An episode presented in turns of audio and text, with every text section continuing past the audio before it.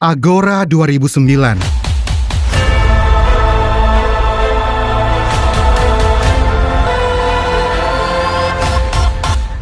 Ditulis oleh Alejandro Amnebar dan Matteo Gil. Dan disutradarai Alejandro Amnebar sendiri. Mencoba mengangkat peristiwa di Alexandria kuno. Dan Hypatia of Alexandria yang dibintangi Rachel Weisz menjadi pusat plot di kota-kota Yunani kuno, Agora sendiri memiliki arti tempat terbuka yang berfungsi sebagai tempat berkumpul untuk kegiatan komersil, sipil, dan keagamaan. Film ini bergenre historical drama. Yes, Agora does contain a number of historical inaccuracies. Seperti halnya film-film yang mengangkat cerita berdasarkan kejadian sebenarnya dalam sejarah. Terlebih menyangkut biografi tokoh sejarah tertentu. But it is what it is. As we know, film as general ditujukan untuk menghibur, bukan untuk tujuan edukasi. Saya akan mencoba menceritakan storyline, disertai memberikan sedikit fakta, catatan sejarah mengenai film ini secara umum. The place where it happened, tokoh, dan terfokus ke peran utamanya, agar kamu merasa lebih engaged dan related dengan ceritanya. So, let's begin.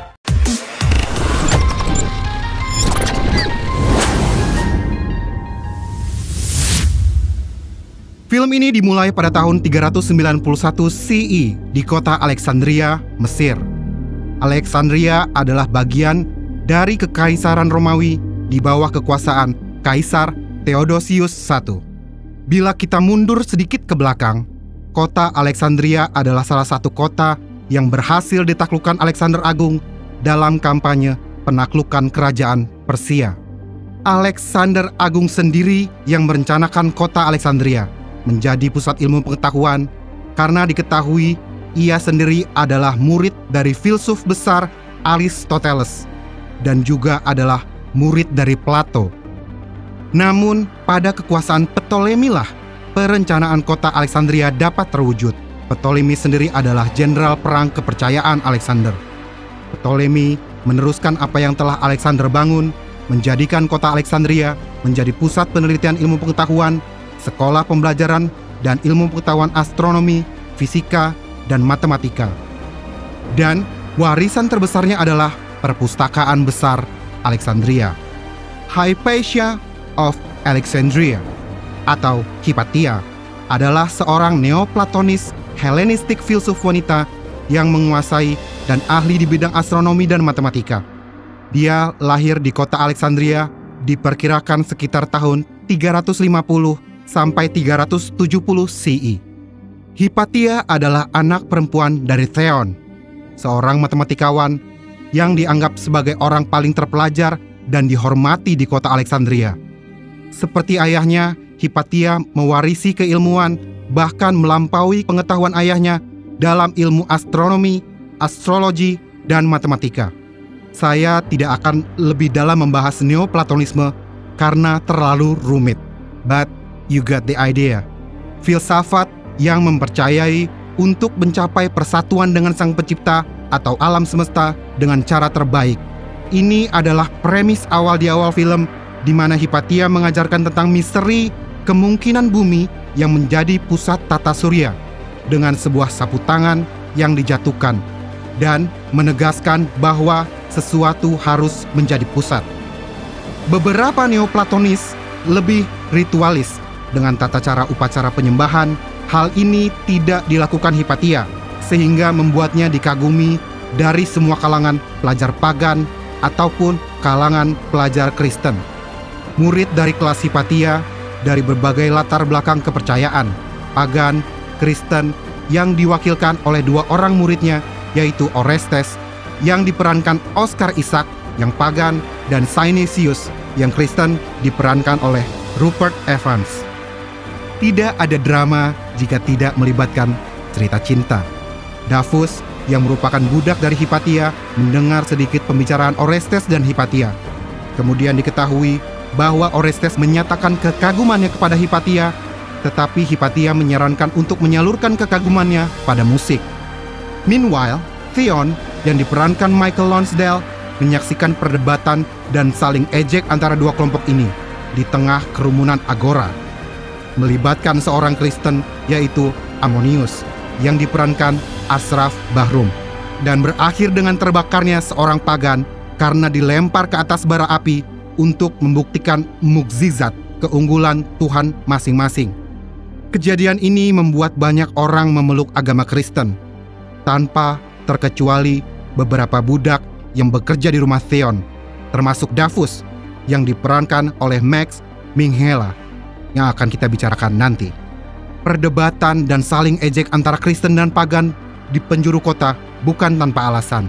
Sejak awal abad keempat dan masa Kaisar Konstantin, agama Kristen telah menjadi agama resmi. Walau didera kontroversi tetapi masih terdapat toleransi tinggi antara pemeluk kepercayaan lain.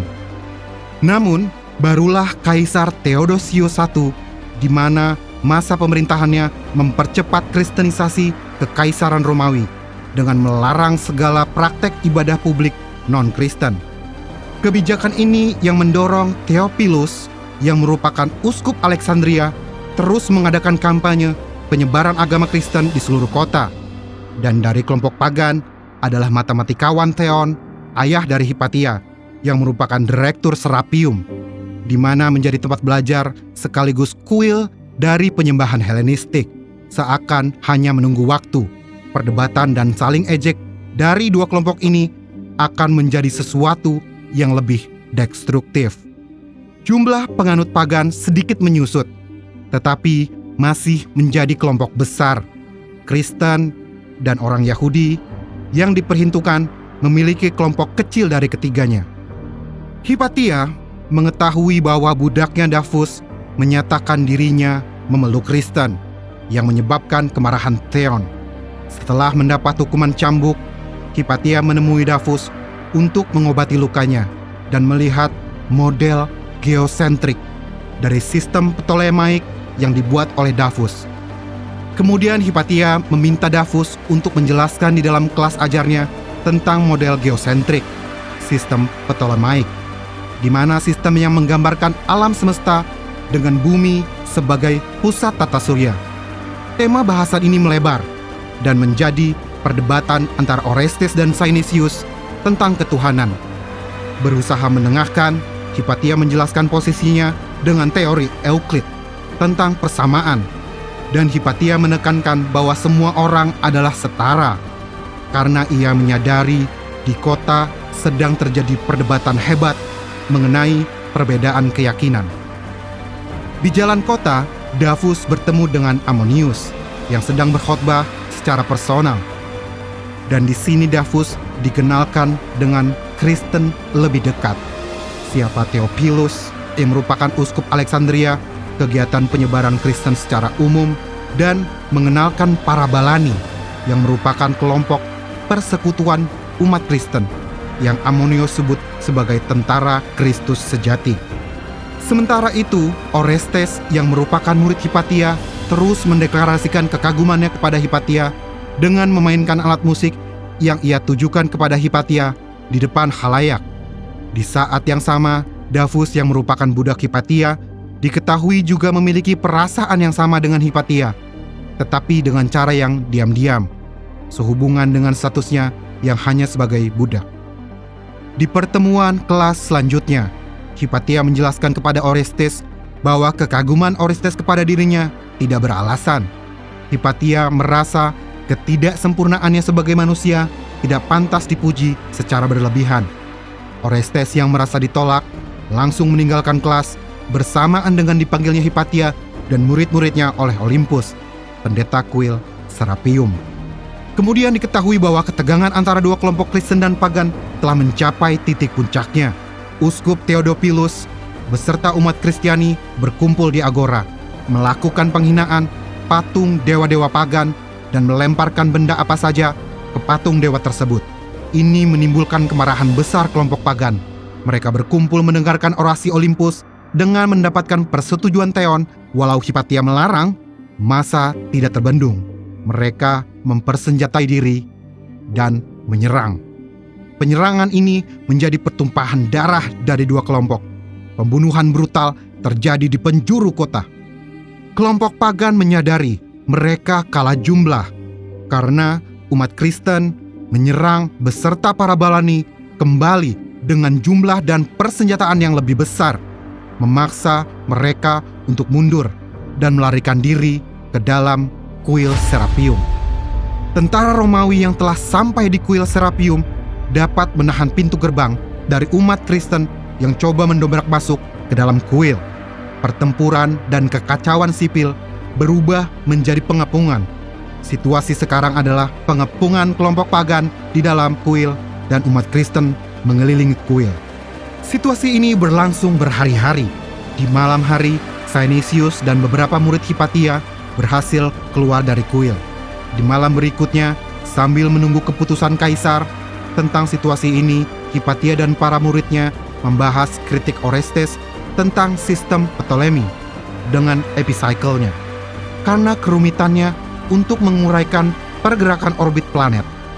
Dan sampailah pada pembahasan tentang teori Aristarchus, yaitu bumi berputar, perilaku aneh dari planet hanyalah ilusi optik yang disebabkan pergerakan bumi dalam kombinasi bumi mengelilingi matahari sebagai matahari menjadi pusat.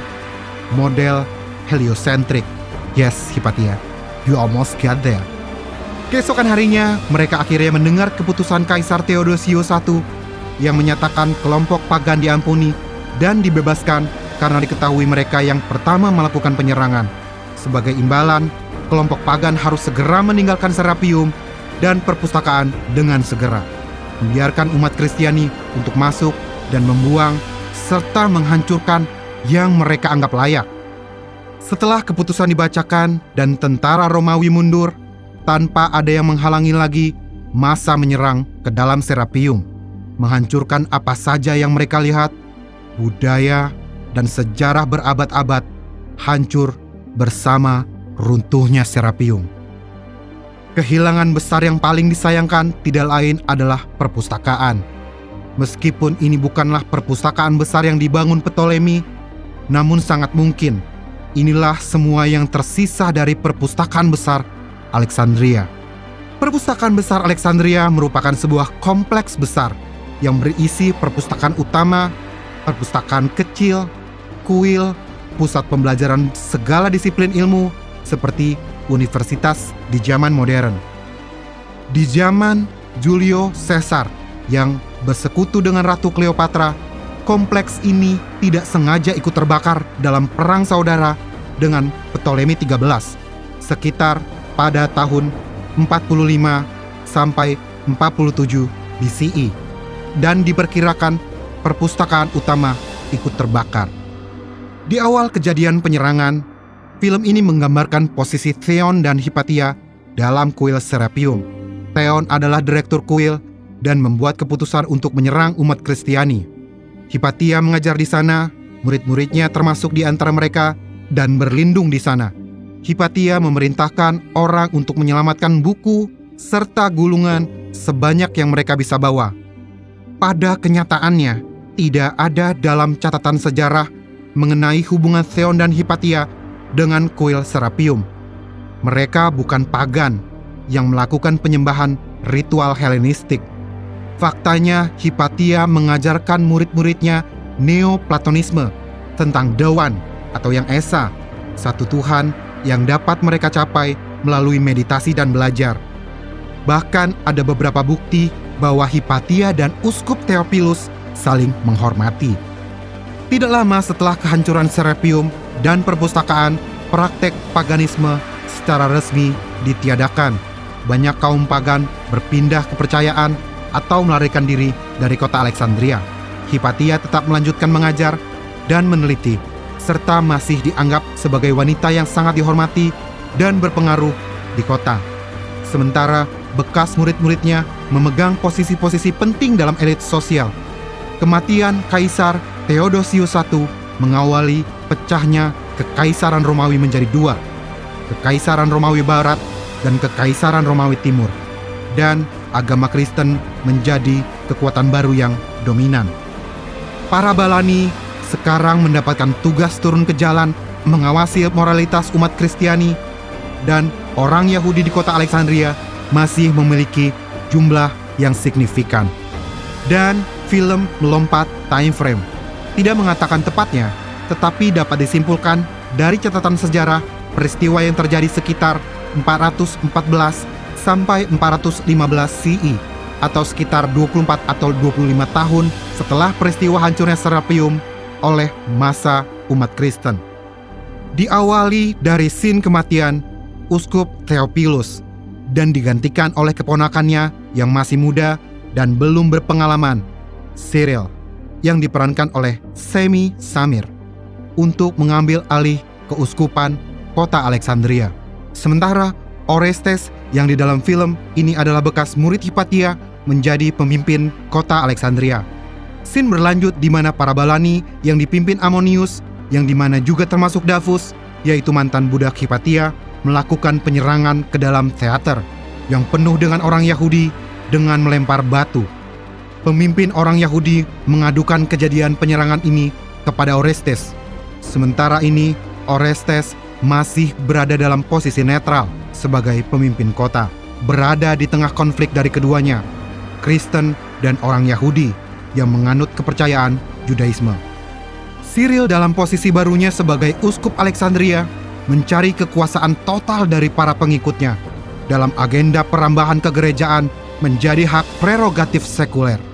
Namun, dalam catatan sejarah, bukan para Balani yang berada di dalam teater, tetapi melainkan Hyrax yang merupakan pendukung Cyril. Mengetahui hal ini, kemudian Orestes memerintahkan menangkap dan dieksekusi di dalam teater dengan tujuan menegaskan otoritasnya atas Cyril. Hipatia meneruskan penelitiannya tentang teori Aristarchus di mana bumi berputar dan bereksperimen dengan menjatuhkan kantung berisi pasir di atas kapal yang sedang bergerak dan terus meneliti astrologi dan pergerakan orbit planet di mana penelitiannya masih terjebak antara teori heliosentrik Aristarchus dan teori geosentrik Ptolemy.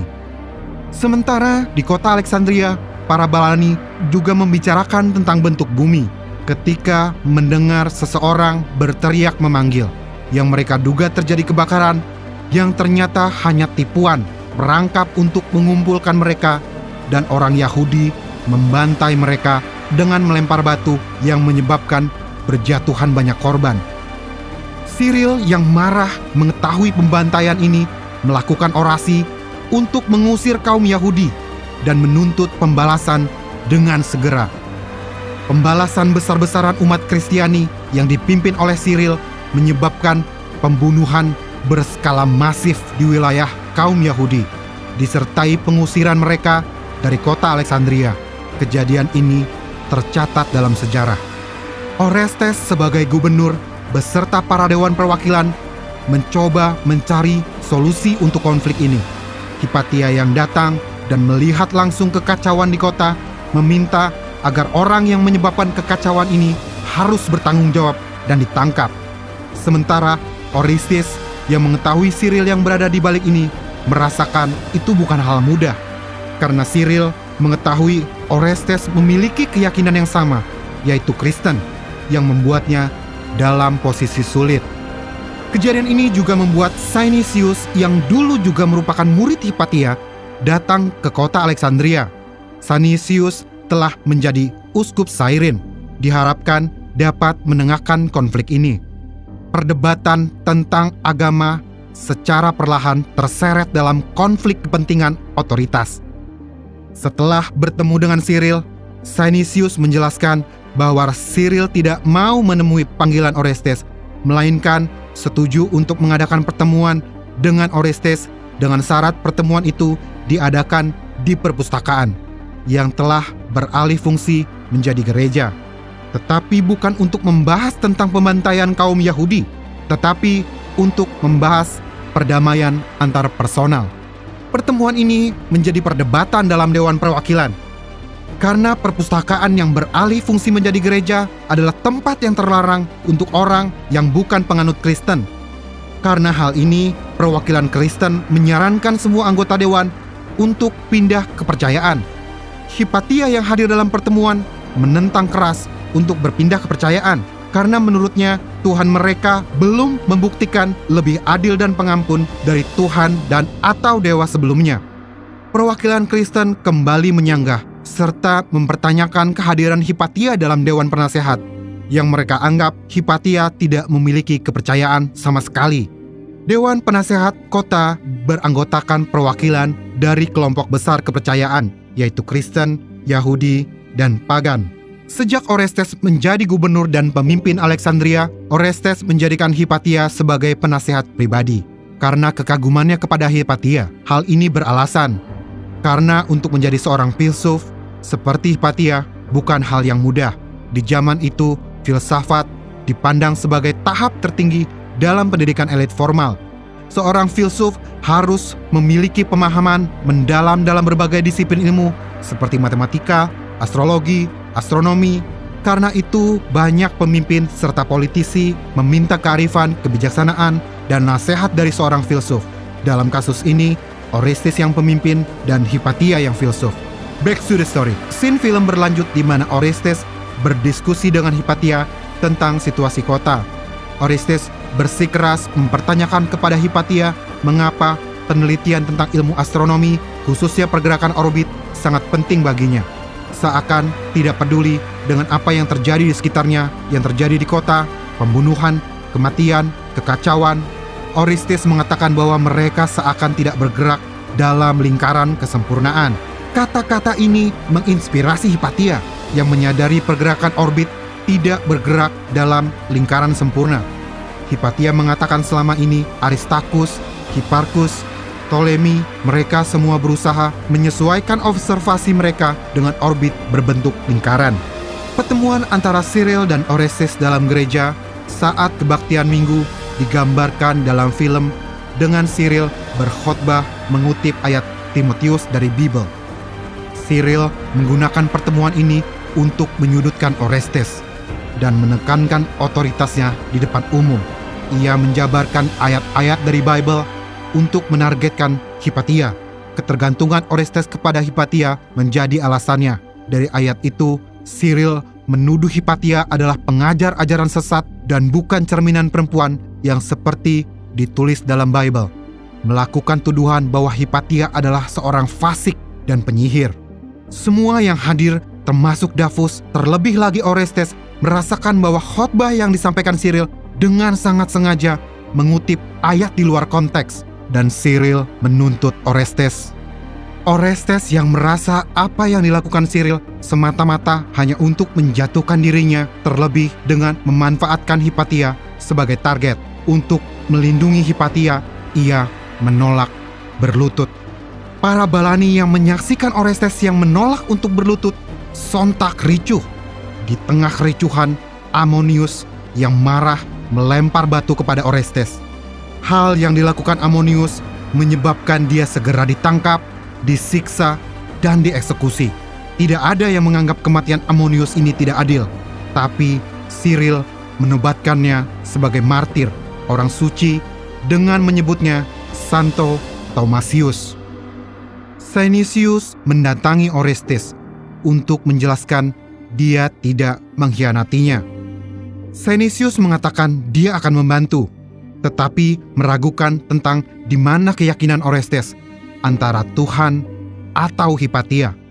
Apa yang terjadi dalam pertemuan itu juga sudah sampai di telinga Hipatia. Tetap melanjutkan penelitiannya dari teori orbit dari ilmuwan sebelumnya dan berhasil membuat hipotesis baru bahwa orbit bumi mengelilingi matahari berbentuk elips. Davus yang mendengar pembicaraan para balani dan biarawan Nitria merasakan kegentingan ini dan mencari Hipatia. Kekhawatirannya beralasan karena terancamnya keselamatan Hipatia sekarang menjadi hal yang sangat serius. Hipatia yang sedang berada bersama Orestes dan Senesius berniat untuk memberitakan penemuan hipotesanya tentang orbit bumi. Belum ia mengatakan berita itu, Orestes mengalihkan pembicaraan dengan mengatakan bahwa para jemaat yang menganut keyakinan Kristen akan dibaptis di depan umum. Hipatia yang mengerti arah pembicaraan ini menolak. Senisius mencoba meyakinkan Hipatia agar memeluk keyakinan Kristen, agar konflik berkepanjangan yang menelan banyak korban dengan Cyril dapat terselesaikan. Hipatia tetap menolak karena baginya kepercayaan tidak bisa dipertanyakan. Seakan sudah mengetahui apa yang akan terjadi pada dirinya, ia berjalan keluar istana. Oristis mengejarnya untuk meyakinkan Hipatia terakhir kalinya. Hipatia mengatakan, Cyril has already won. Hipatia keluar dan mengabaikan penjagaan dan pergi ke jalan untuk menemui takdirnya. Davus yang terus mencari Hipatia bertemu dengan rombongan para balani yang telah berhasil menangkap Hipatia. Hipatia digiring ke dalam gereja yang dulunya adalah Serapium dan terbunuh di sana. Saya tidak akan menceritakan scene ini secara detail, tetapi dari catatan sejarah pada Maret tahun 415 CE saat Hipatia melakukan perjalanan di kota, sekelompok pengikut Cyril yang dipimpin seorang lektor bernama Peter menarik Hipatia dari kereta kuda dan menyeretnya ke sebuah gereja, membunuh dan memutilasi tubuhnya. Kematian Hipatia mengubah kota Alexandria selamanya. Alexandria perlahan tak lagi menjadi pusat ilmu pengetahuan. Orestes menghilang. Cyril mengambil alih kekuasaan Alexandria dan dinobatkan sebagai santo dan doktor oleh gereja. Meskipun tidak ada hasil karya Hipatia yang selamat, dia dikenal sebagai ahli astronomi yang hebat dan dikenal akan ilmu matematikanya untuk bidang kerucut. 1200 tahun kemudian, di abad 17, ahli astronomi Johannes Kepler mendeskripsikan kurva elips, kurva yang merupakan pergerakan planet. That's it. Thanks for watching and see you.